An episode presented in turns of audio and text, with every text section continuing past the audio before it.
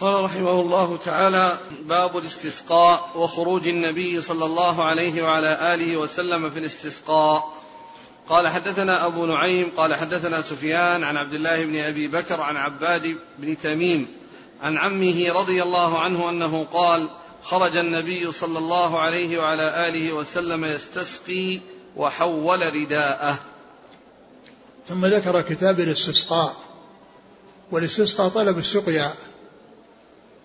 والاستسقاء يعني يكون طلب السقيا من الغير لنفسه أو للغير بمعنى أنه يطلب من غيره أن يسقيه أو يطلب من غيره أن يسقي غيره.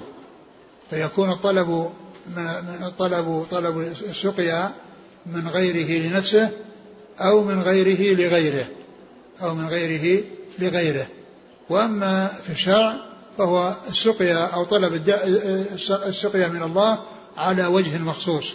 طلب السقيا من الله على وجه مخصوص هذا هو الاستسقاء شرعا. طلب السقيا من الله على وجه مخصوص أي بهذه الصلاة وبهذه الخطبة والدعاء فيها أو بالدعاء يوم الجمعة في خطبة الجمعة من غير صلاة من غير صلاة لها. ثم قال باب. باب الاستسقاء وخروج النبي صلى الله عليه وسلم في الاستسقاء. باب الاستسقاء وخروج النبي صلى الله عليه وسلم بالاستسقاء أنه يخرج إلى إلى إلى إلى الخلاء وإلى الفضاء يعني بأن يستسقي يعني يعين للناس يوم يعني يذهبون يذهبون فيه يعني إلى المصلى الذي هو مصلى الاستسقاء. ثم أورد حديث من عبد الله بن زيد بن عاصم. عبد الله بن زيد بن عاصم قال خرج النبي صلى الله عليه وسلم يستسقي وحول رداءه. خرج النبي يستسقي يعني قوله يعني آه، خرج يعني هذا اللي فيه الخروج للاستسقاء. وحول رداءه يعني في خطبته.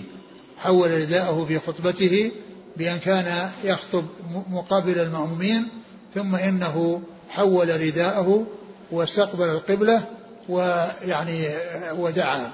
وكذلك المأمومون يعني يدعون ويحولون أرديتهم كما يفعل الإمام وذلك بجعل ما على اليمين على اليسار وما على اليسار على اليمين.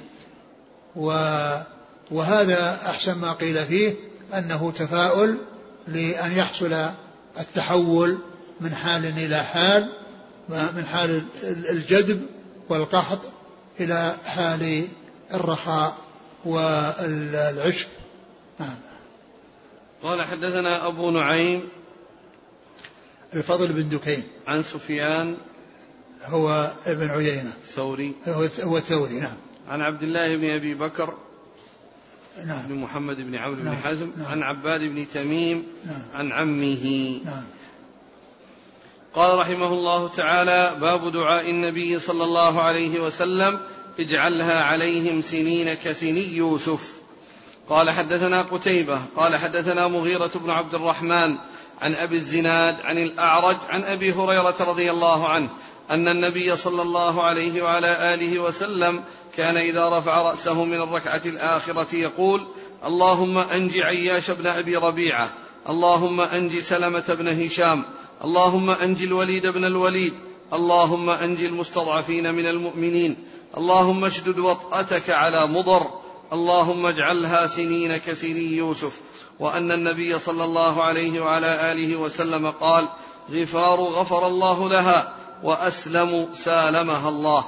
قال ابن أبي الزناد عن أبيه هذا كله في الصبح. ثم ذكر آه هذه الترجمة باب سني دعاء النبي صلى الله عليه وسلم اجعلها عليهم كسنين. باب دعاء النبي صلى الله عليه وسلم آه اجعلها, اجعلها عليهم, سنين. سنين كسني كسني يوسف. آه هذا يعني آه يعني الاستسقاء طلب السقيا وهذا إنما هو يعني الدعاء عليهم بضد ضد السقيا وضد الخصب والجدب الذي يعني يستسقون من أجل تحصيله فهم يعني تشرع للمسلمين للدعاء لهم ولحصول الرخاء والجدب والمطر الذي ينزل عليهم من السماء ويعني وهذا مقابل لأنه دعا عليهم بالقحط. يعني هذا دعاء بالقحط وهذا دعاء بالجدب والقصب وكثرة ونزول الأمطار وكثرتها.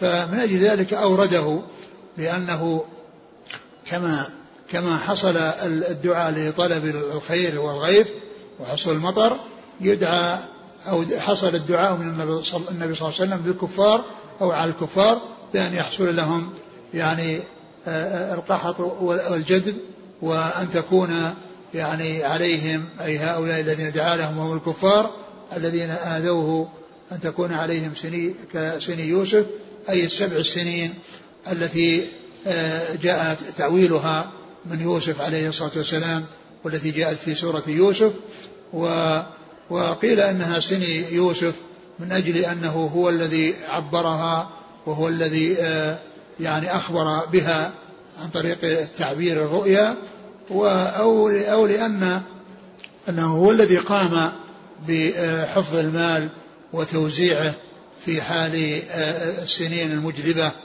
التي يعني آه،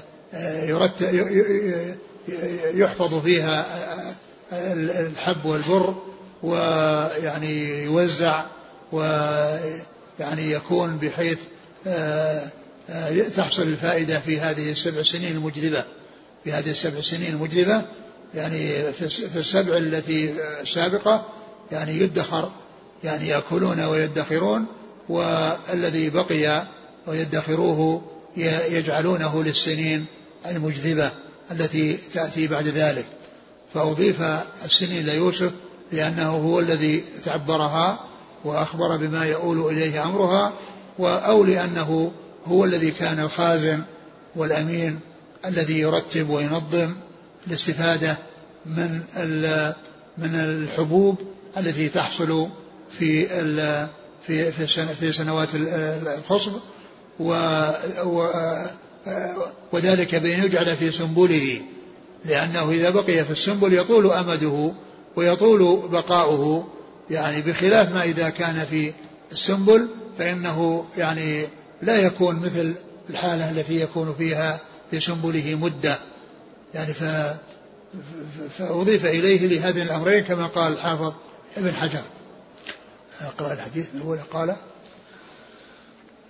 أن النبي صلى الله عليه وسلم كان إذا رفع رأسه من الركعة الآخرة يقول اللهم أنجل عياش وهذا وهذا فيه أن الركوع القنوت بعد الركوع. يعني فيه الدلالة على أن قنوته كان بعد الركوع لأنه قال ما يرفع بعد ما يرفع رأسه من الركعة الأخيرة. بعد ما يرفع رأسه من الركعة الأخيرة يعني يدعو. فهو دال أيضا على حصول القنوت بعد الركوع.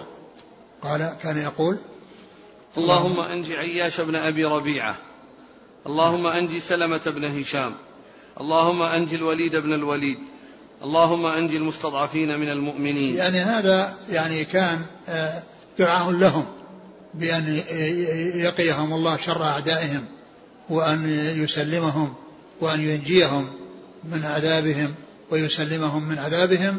فدعا بأدعية خاصة ثم عطف عليها بالدعاء العام لأنه ذكر هؤلاء الأربعة ثم قال اللهم أنجي المستضعفين من المؤمنين. نعم.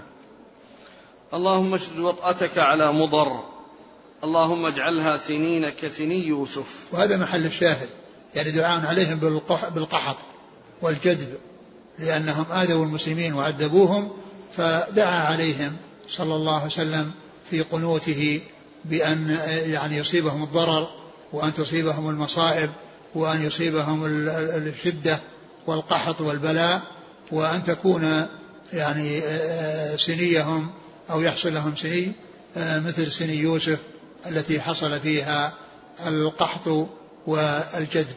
نعم. وأن النبي صلى الله عليه وسلم قال غفار غفر الله لها وأسلم سالمها الله. وأن النبي صلى الله عليه وسلم قال غفار غفر الله لها وأسلم سالمها الله. وهذا من الاشتقاق. يعني هذا من ال ال ال الاشتقاق لأنه أخذ من غفار يعني غفر الله لها دعاء يطابق الاسم يطابق الاسم وهو دعاء يعني مطابق للاسم لأنها غفار وأسلم سالمها الله وكذا وهذا مثله أسلم هي قبيلة أسلم سالمها الله فهذا هذا يسمى الاشتقاق. أو الدعاء بالاشتقاق. نعم. قال ابن أبي الزناد عن أبيه هذا كله في الصبح. هذا كله في الصبح يعني القنوت إنما يكون في إنما حصل في الصبح نعم قنوت نوازل يعني هذا الذي حصل من الدعاء على هؤلاء إنما هو في صلاة الصبح. نعم. قال حدثنا قتيبة. قتيبة بن سعيد. نعم. عن مغيرة بن عبد الرحمن نعم. عن أبي الزناد عبد الله بن ذكوان عن الأعرج عبد الرحمن بن هرمز. عن أبي هريرة. نعم. قال ابن أبي الزناد ابن أبي الزناد عبد الرحمن. عبد الرحمن بن, بن عبد الله بن ذكوان يعني وهذا هو الذي يكنى به أبوه أبو الزناد. وأبو الزناد ليست كنية وإنما هي لقب. على صيغة الكنية. لقب على صيغة الكنية. مثل أبو هريرة لقب على صيغة الكنية. وأبو الزناد لقب على صيغة الكنية. والكنية آه، آه، وكنيته أبو عبد الرحمن. لأنه يكنى بابنه عبد الرحمن فكنيته أبو عبد الرحمن ولقبه أبو الزناد.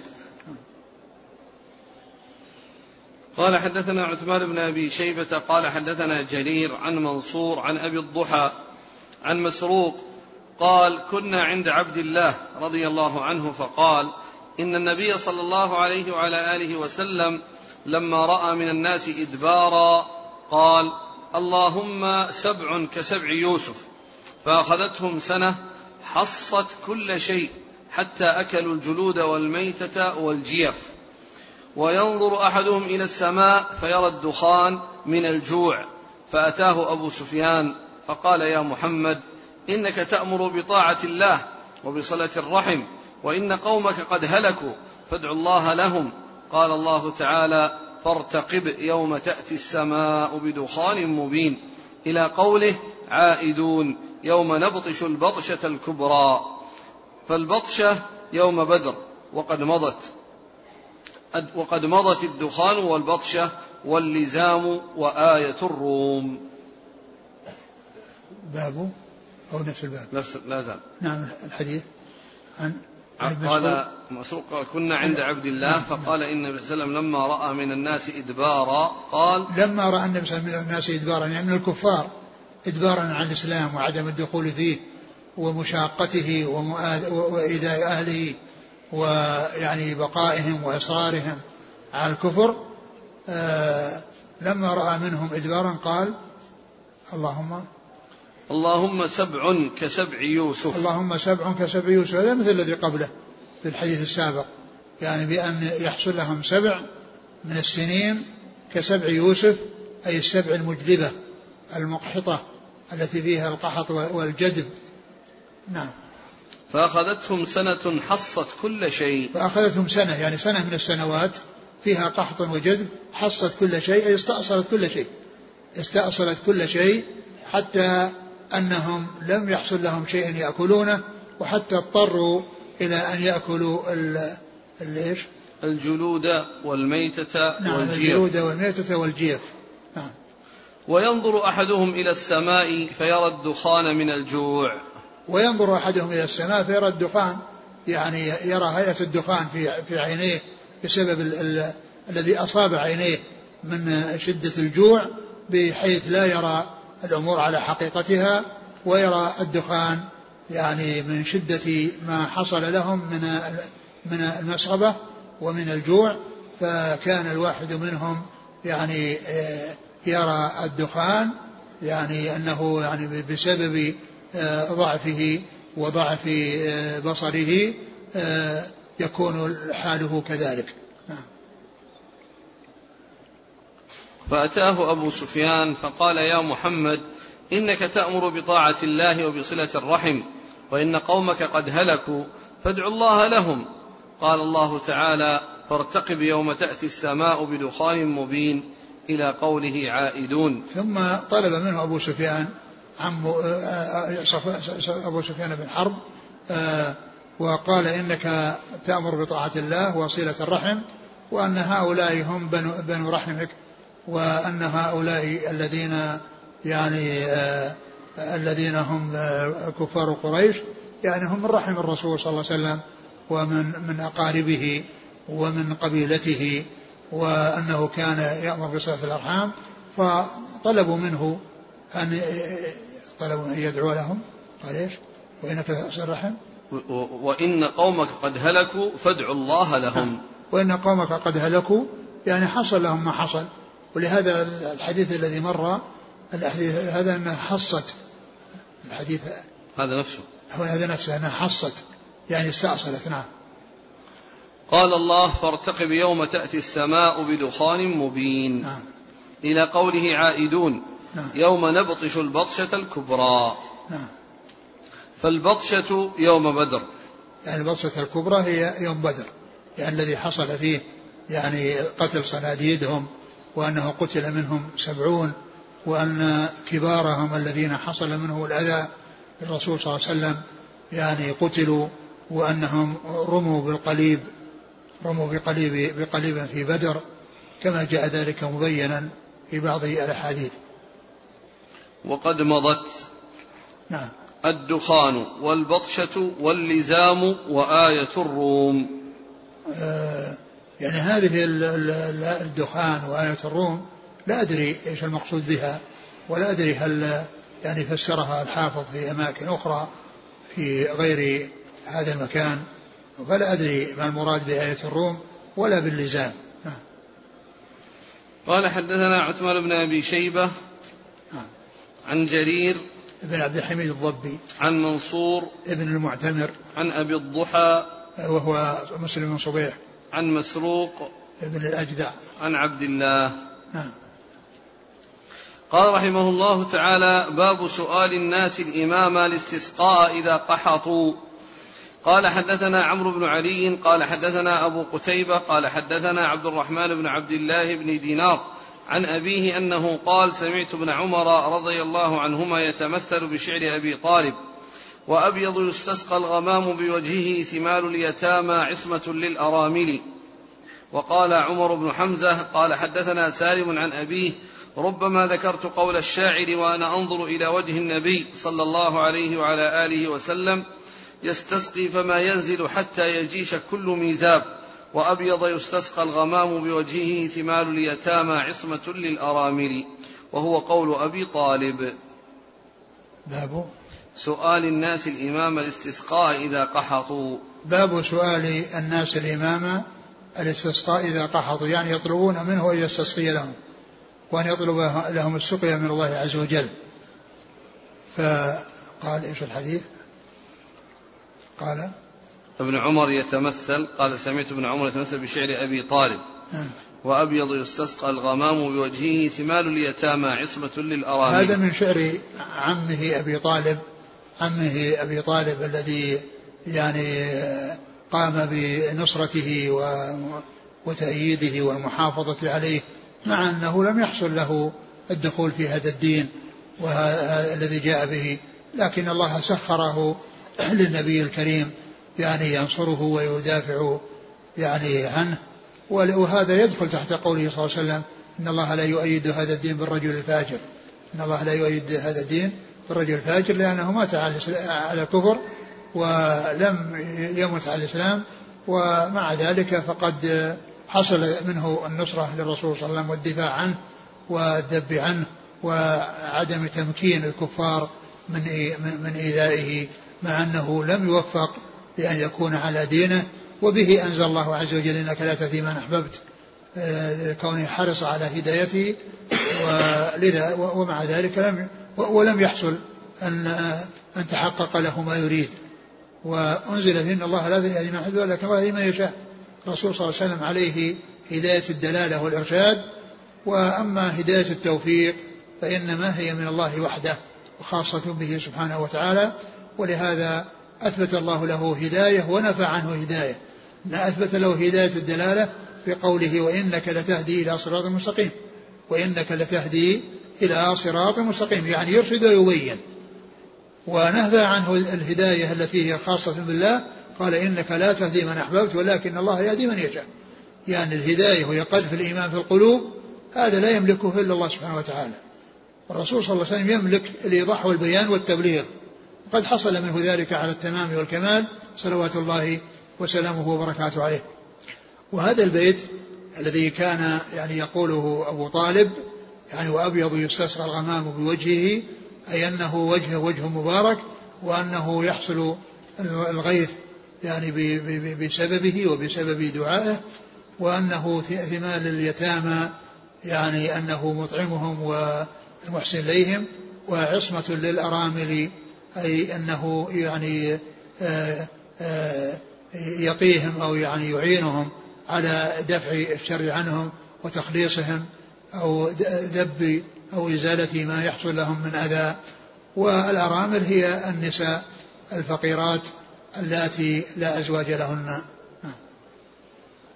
وقال عمر بن حمزة قال حدثنا سالم عن أبيه ربما ذكرت قول الشاعر وأنا أنظر إلى وجه النبي صلى الله عليه وسلم يستسقي فما ينزل حتى يجيش كل ميزاب. يعني كان يخطب ويستسقي وهو يتذكر يعني وهو ينظر إلى وجهه صلى الله عليه وسلم يعني آه، البيت الذي قاله عمه آه، أبو طالب بقصيدة طويلة قيل إنها تبلغ ثمانين بيتا و فيعني فكان يعني يستسقي ولا ينزل من من من من, من المنبر أو, أو لا ينزل من المكان الذي هو فيه إلا وقد جاش كل ميزاب يعني الميازيب التي تكون في أماكن مرتفعة مثل السطوح فإن الماء ينزل فيها بقوة ينزل منها بقوة بكثرة الماء الذي ينزل من منها لغزارة المطر وكثرته. نعم. قال حدثنا عمرو بن علي هو الفلاس. عن أبي قتيبة. وهو سلم بن قتيبة. يعني كنيته توافق اسم أبيه. توافق كنيته توافق اسم أبيه وهو أبو قتيبة واسمه آه واسمه آه سلم بن آه هو نعم. أبو قتيبة هو سلم بن قتيبة. فكنيته توافق اسم أبيه. وهذا نوع من أنواع علوم الحديث فائدته ألا يظن التصحيف ألا يظن التصحيف. لأنه إذا كان أحد يعرف أنه سلم بن قتيبة ثم رآه في موضع سلم أبو قتيبة.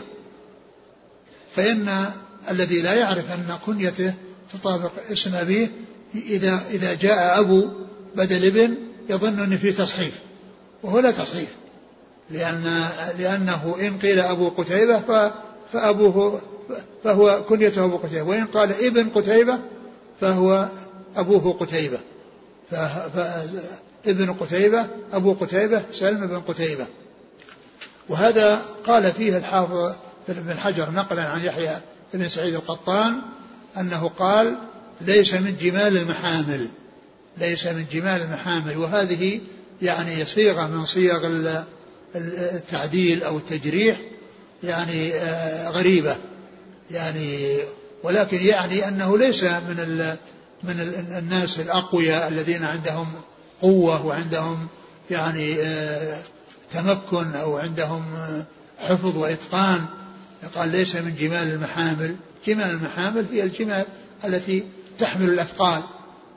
فالذي لا يحمل الأثقال يعني يقال له إنه لأنها ليست يعني من ذوات المحامل أي التي تحمل الأثقال. يعني فهو دون من الذي يحمل والذي يحمل الأثقال. نعم. عن عبد الرحمن بن عبد الله بن دينار نعم. عن أبيه عن ابن عمر. نعم. وقال عمر بن حمزة نعم. ابن عبد الله بن عمر. نعم. عن سالم عن أبيه. نعم. سالم بن عبد الله الذي هو أحد فقهاء المدينة السبعة على أحد الأقوال الثلاثة السابع منهم. قال حدثنا الحسن بن محمد قال حدثنا محمد بن عبد الله الأنصاري قال حدثني أبي عبد الله بن المثنى عن ثمامة بن عبد الله بن أنس عن أنس رضي الله عنه أن عمر بن الخطاب رضي الله عنه كان إذا قحطوا استسقى بالعباس بن عبد المطلب رضي الله عنه فقال اللهم إنا كنا نتوسل إليك بنبينا فتسقينا وإنا نتوسل إليك بعم نبينا فاسقنا قال فيسقون. ثم ذكر هذا الحديث عن عمر بن الخطاب رضي الله عنه أنه آآ آآ أنه أنهم كانوا كانوا يستسقون بالنبي يعني يطلبون منه السقيا يعني يعني يطلبون من السقيا يعني أن يدعو لهم. ويعني فلما توفي طلب الدعاء من العباس لأنه عم النبي صلى الله عليه وسلم. وإنما اختاره لعمومته ولقرابته من رسول الله صلى الله عليه وسلم. ولهذا قال عم نبينا ما قال العباس. وإن نتوسل إليك بعم نبينا يعني يدعو وهم يتوسلون بدعائه. إن نتوسل إليك بنبينا بدعائه. نطلب منه الدعاء ونسأل الله عز وجل أن أن يقبل هذا الدعاء وأن يحصل الغيث ولما توفي الرسول صلى الله عليه وسلم ما كانوا يذهبون إلى قبره ويطلبون منه ذلك لأنه لا يطلب منه في قبره دعاء ولا استغفار ولا شيء ولا شيء آخر. وإنما آه، آه، يدعو الأحياء أو يطلبون من بعض الأحياء أن يدعو آه، كما حصل من عمر. وهذا الذي فعله عمر رضي الله عنه مع أنه أفضل من العباس ومن غير العباس ولكن هذا فيه يعني توقير أهل بيت الرسول صلى الله عليه وسلم وتوقير العباس لأنه عم الرسول صلى الله عليه وسلم فاختاره لقرابته بل هو أقرب قريب إليه أقرب قريب إلى رسول الله صلى الله عليه وسلم لأنه عمه.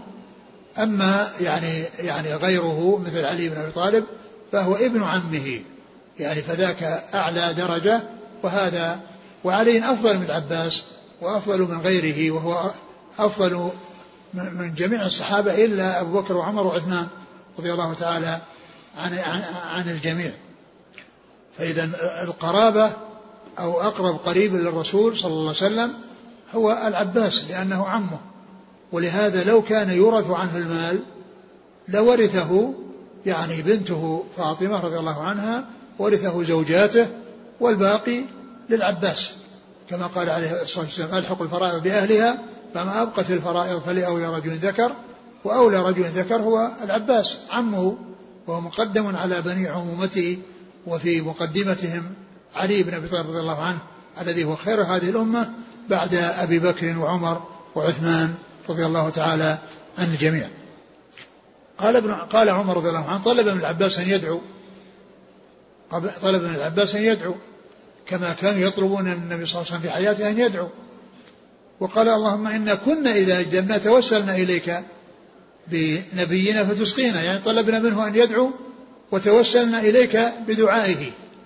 وإنا نتوسل إليك بعم نبينا أي بدعائه. ولهذا جاء في بعض الحديث قم يا عباس فادعو الله. قال فيسقون. يعني فيسقون يعني بهذا الدعاء الذي قد حصل من العباس آه، عم الرسول صلى الله عليه وسلم. الذي طلبه طلب منه عمر أن يفعل ذلك. ولهذا قال في, في, الدعاء بعم نبينا ما قال نتوسل إليك بالعباس وإنما توسل إليه بقرابته أو طلب منه الدعاء لقرابته من رسول الله صلى الله عليه وسلم. قال فيسقون. وهذا يدل على أن أن أن, أن, أن, أن الأموات لا يطلب منهم شيء لا دعاء ولا استغفار ولا غيره. ومما يدل على أنه لا يطلب منهم دعاء ولا استغفار يعني وهم في قبورهم بعد موتهم أن عائشة رضي الله عنها كما ثبت في صحيح البخاري في كتاب باب يعني في كتاب المرضى باب قول المريض ورأساه أن عائشة رضي الله عنها قالت ورأساه يعني معناه رأسه يوجعها فقال عليه الصلاة والسلام لو كان ذاك وأنا حي دعوت لك واستغفرت لك لو كان ذاك وأنا حي. دعوت لك واستغفرت لك. فهذا يدل على أن الميت لا يطلب منه دعاء ولا استغفار. لأنه لو كان الأمر كذلك ما في حاجة إلى أن يقول لو كان ذاك وأنا حي. يعني لمت قبلي. لأنه إذا كان يطلب منه الدعاء والاستغفار سواء مات قبلها أو ماتت قبله. سواء مات قبلها أو ماتت قبله. يعني يدعو لها. لكن لما كان الأمر أنه لا يطلب من الميت شيء وإنما يدعى للأموات ولا يطلب منهم. يدعى للأموات ولا يطلب منهم. آه، بين صلى الله عليه وسلم في هذا الحديث أن الأموات لا يطلب منهم شيء. والعباس آه، بن آه، عمر رضي الله عنه عدل عن الذهاب إليه وسؤاله إلى أن يسألوا من العباس أو يطلب من العباس أن يدعو أن يدعو لهم. نعم. قال حدثنا الحسن بن محمد الزعفراني. عن محمد بن عبد الله الأنصاري. نعم وهذا من كبار شيوخ البخاري الذين يروي عنهم بواسطة بغير واسطة بواسطة وبغير واسطة. هنا روى عنه بواسطة بواسطة الزعفراني. وبعض الأحاديث الثلاثية التي هي من أعلى الأسانيد البخاري يرويها عن محمد بن عبد الله الأنصاري هذا. يعني شيوخه في الثلاثيات يعني منهم هذا اللي هو محمد بن عبد الله الأنصاري ومنهم مكي بن إبراهيم ومنهم آه، أبو عاصم. أبو عاصم النبي الذي مر مر بنا قريبا. نعم. عن أبيه نعم. عبد الله بن المثنى نعم. عن ثمامة بن عبد الله بن أنس عن أنس. نعم. قال رحمه الله تعالى باب تحويل الرداء في الاستسقاء. قال حدثنا إسحاق قال حدثنا وهب قال حدثنا شعبة قال أخبرنا شعبة عن محمد بن أبي بكر عن عباد بن تميم عن عبد الله بن زيد رضي الله عنه أن النبي صلى الله عليه وعلى آله وسلم استسقى فقلب رداءه. ثم ذكر تحويل الري... تحويل الرداء في الاستسقاء. تحويل الرداء في الاستسقاء. يعني ذكر هناك الحديث حديث يعني هذا الحديث ذكره في أول حديث في, في الكتاب. وفيه الخروج إلى المصلى وتحويل الرداء. هناك ذكره من أجل الخروج ومعه تحويل الرداء ولكنه هنا ذكره من أجل تحويل الرداء من أجل تحويل الرداء. فأنه ويعني بين وهناك لم يذكر كيفية التحويل وهنا ذكر كيفية التحويل وأنه يقلبه أنه قلبه وجعل مع الأيمن على الأيسر ومع الأيسر على الأيمن. نعم. قال حدثنا إسحاق ابن إبراهيم إبراهيم بن راهوية. عن وهب. آه وهب؟ بن جرير. نعم وهب بن جرير نعم. عن شعبة. نعم. عن محمد بن أبي بكر. نعم. عن عباد بن تميم. نعم. عن عبد الله بن زيد. نعم. قال حدثنا علي بن عبد الله قال حدثنا سفيان قال قال قال عبد الله بن أبي بكر. أنه سمع عباد بن تميم رضي الله يحدث أباه عن عمه عبد الله بن زيد رضي الله عنه أن النبي صلى الله عليه وسلم خرج إلى المصلى فاستسقى فاستقبل القبلة وقلب رداءه وصلى ركعتين. قال أبو عبد الله كان ابن عيينة يقول هو صاحب الأذان ولكنه وهم لأن هذا عبد الله بن زيد بن عاصم المازني مازن الأنصار. ثم قال بابه؟ لا زال تحويل الرداء. باب تحويل الرداء؟ نعم. نعم المتن. عن عبد الله بن زيد أن النبي صلى الله عليه وسلم خرج إلى المصلى فاستسقى فاستقبل القبلة خرج خرج إلى الصلاة خرج إلى المصلى وهذا مثل الذي حصل في الباب الأول. واستقبل القبلة يعني أنه آه يعني أنه خطب الناس وكان مقابلهم ثم إنه استقبل القبلة استقبل القبلة وحول رداءه. استقبل القبلة وحول رداءه يعني جعل ظهره إلى الناس بدل أن كان وجهه إلى الناس. نعم بعده. قال أبو عبد فاستقبل القبلة وقلب رداءه وصلى ركعتين. وصلى ركعتين اللي هي ركعتي الاستسقاء يعني وهذا يعني يعني فيه أنه أن الخطبة قبل الصلاة. وقد جاء ما يدل على أنها بعد الصلاة. فإذا يعني الخطبة يجوز أن تكون قبل الصلاة وبعده. بخلاف العيد فإنها الخطبة إنما تكون آه، بعد الصلاة. قال أبو عبد الله كان ابن عيينة يقول هو صاحب الأذان ولكنه وهم لأن هذا عبد الله بن زيد بن عاصم المازني مازن الأنصار. أبو عبد الله هو البخاري. نعم. قال حدثنا علي بن عبد الله. نعم. قال حد عن سفيان. نعم سفيان هو. ابن عيينة. نعم. عن عبد الله بن أبي بكر. نعم. عن عباد بن تميم. نعم. عن عمه عبد الله بن زيد. نعم. قال رحمه الله تعالى باب الاستسقاء في المسجد الجامع. قال حدثنا محمد. قال أخبرنا أبو ضمرة أنس بن عياض. قال حدثنا شريك بن عبد الله بن أبي نمر.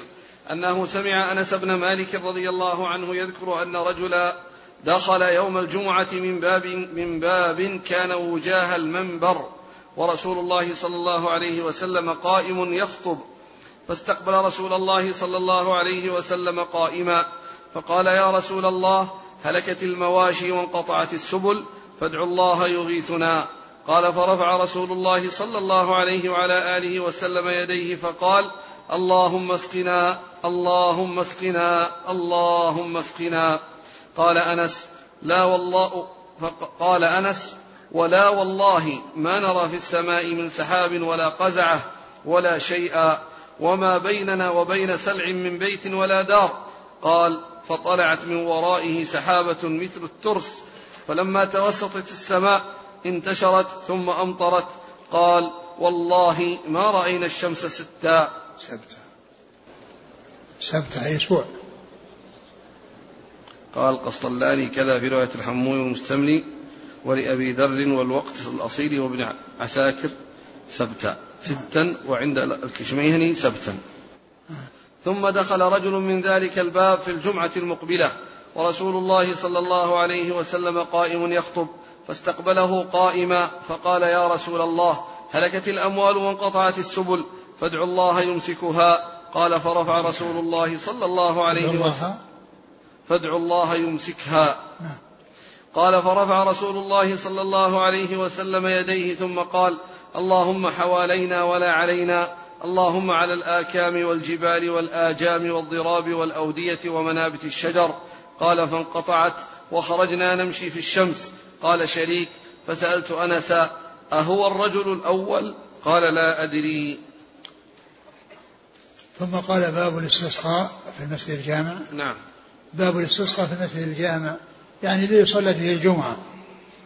ويعني وذلك في الخطبة في خطبة الجمعة. يعني في آه كونه يطلب من الإمام وهو يخطب أن يعني يستسقي فيستسقي. يعني ففيه يعني الكلام بين الإمام يعني وبين غيره. يعني كون كون غيره يكلمه ويعني غير الإمام يكلم الإمام ويخاطب الإمام وكذلك الإمام يخاطب المأمومين. ولهذا لا لا يتحدث في خطبة الجمعة وإنما يجوز الكلام من الإمام لغيره ومن غيره له. كما جاء في هذا الحديث أن النبي صلى الله عليه وسلم كان يخطب يوم الجمعة على المنبر ودخل رجل من باب يعني مقابل المنبر وقال يا رسول الله هلكت هلكت الأموال وانقطع السبل. هلكت المواشي وانقطعت السبل. نعم هلكت المواشي يعني وانقطعت السبل يعني بسبب الجذب والقحط وقلة الأمطار. فرفع يديه وسأل الله عز وجل وطلب السقيا من الله عز وجل و ولم يكن هناك يعني في السماء يعني من سحاب ولا قزعة يعني ولا ولا قطعة من السحاب. فيعني نشأ السحابة وما كان بينهم وبين سلع يعني بنيان وشيء وإنما يرونه فخرج سحابة من فوقه وانتشرت حتى يعني غطت المدينة ونزل المطر ورسول الله صلى الله عليه وسلم يخطب واستمر نزل المطر أسبوعا كاملا. ولما جاء الأسبوع الثاني آه، وكان يخطب عليه الصلاة والسلام جاء رجل يعني قد يكون هو السائل الأول وقد يكون غيره وقال إنها إنها آه، هلكت الأموال هلكت الأموال يعني بسبب السيل أنه يعني تغرق هلكت يعني غرقا وهلكت الأموال و... وانقطعت السبل. وانقطعت السبل يعني ما ما يستطيع الناس يمشون يعني يعني يسلكون السبل اللي كانوا يسلكونها قبل أن يأتي المطر انقطعت السبل. آه. فادعوا الله يمسكها. فادعوا الله يمسكها. فقال عليه السلام حوالينا ولا اللهم حوالينا ولا علينا. والاستسقاء هو طلب السقيا يقال له استسقى وأما طلب يعني آه، يعني ذهابها فيقال له استصحى. استصحى يعني طلب الصحو. يقال له استصحى الذي هو مقابل للاستسقاء الاستسقاء طلب السقيا وهذا طلب الاستصحاء الذي طلب الصحو كون السماء صحوا ليس فيها غيم والحديث فيه الاستسقاء يعني في خطبة الجمعة وكذلك مخاطبة الإمام وهو يخطب وكذلك آه، آه، رفع اليدين يعني في خطبة الجمعة في الاستسقاء فقط. أما في غير الاستسقاء فإنها لا ترفع الأيدي لأنه لم يثبت عن الرسول صلى الله عليه وسلم أنه رفع يديه بالدعاء يوم الجمعة أو في خطبة الجمعة لكنه ثبت في الاستسقاء. إذا استسقى وطلب السقيا من الله عز وجل فإنه يرفع يديه كما فعل ذلك رسول الله صلى الله عليه وسلم. وفيه آه، آه، أدب الرسول صلى الله عليه وسلم في الدعاء عندما يعني كثر المطر فإنه ما طلب أن أن يمسك الله الماء وأن يوقف الماء لا ينزل وإنما طلب نزوله ولكن حواليهم ولا عليهم بأن يكون على على المنابت الزرع منابت العشب وعلى الضراب والآكام والأودية يعني التي تكون حولهم يستفيدون منها ولا يصل إليهم ضرر. فهذا من أدبه مع الله عليه الصلاة والسلام حيث طلب يعني عندما طلب منه أن يعني أن يمسك هذا قال اللهم حوالينا ولا علينا. ما قال اللهم امسك عن السماء وامسك عن عن المطر وإنما قال اللهم حوالينا يعني أنه ينزل المطر ولكنه لا يكون عليهم بحيث يحصل لهم الضرر وإنما يكون حواليهم ولا عليهم وعلى الأماكن التي يموت فيها العشب فترعاه يعني بهائم فترعاه بهائمهم. نعم. أقرأ الحديث مرة ثانية. قال عن أنس وفيه, وفيه إطلاق ال ال ال يعني ال ال ال ال الأسبوع على بعضه. لأنه قال سبتا يعني المقصود أسبوعا. وكذلك يقال جمعة. يقال الأسبوع جمعة ويقال له سبت. ولا سبت كما جاء في الحديث ويقال جمعة. يعني أنها مقصودها أسبوع. إطلاق إطلاق الكل على البعض. نعم. قال أنس رضي الله عنه أن رجلا دخل يوم الجمعة من باب كان وجاه المنبر. ورسول الله صلى الله عليه وسلم قائم يخطب فاستقبل رسول الله صلى الله عليه وسلم قائما فقال يا رسول الله هلكت المواشي وانقطعت السبل فادعوا الله يغيثنا.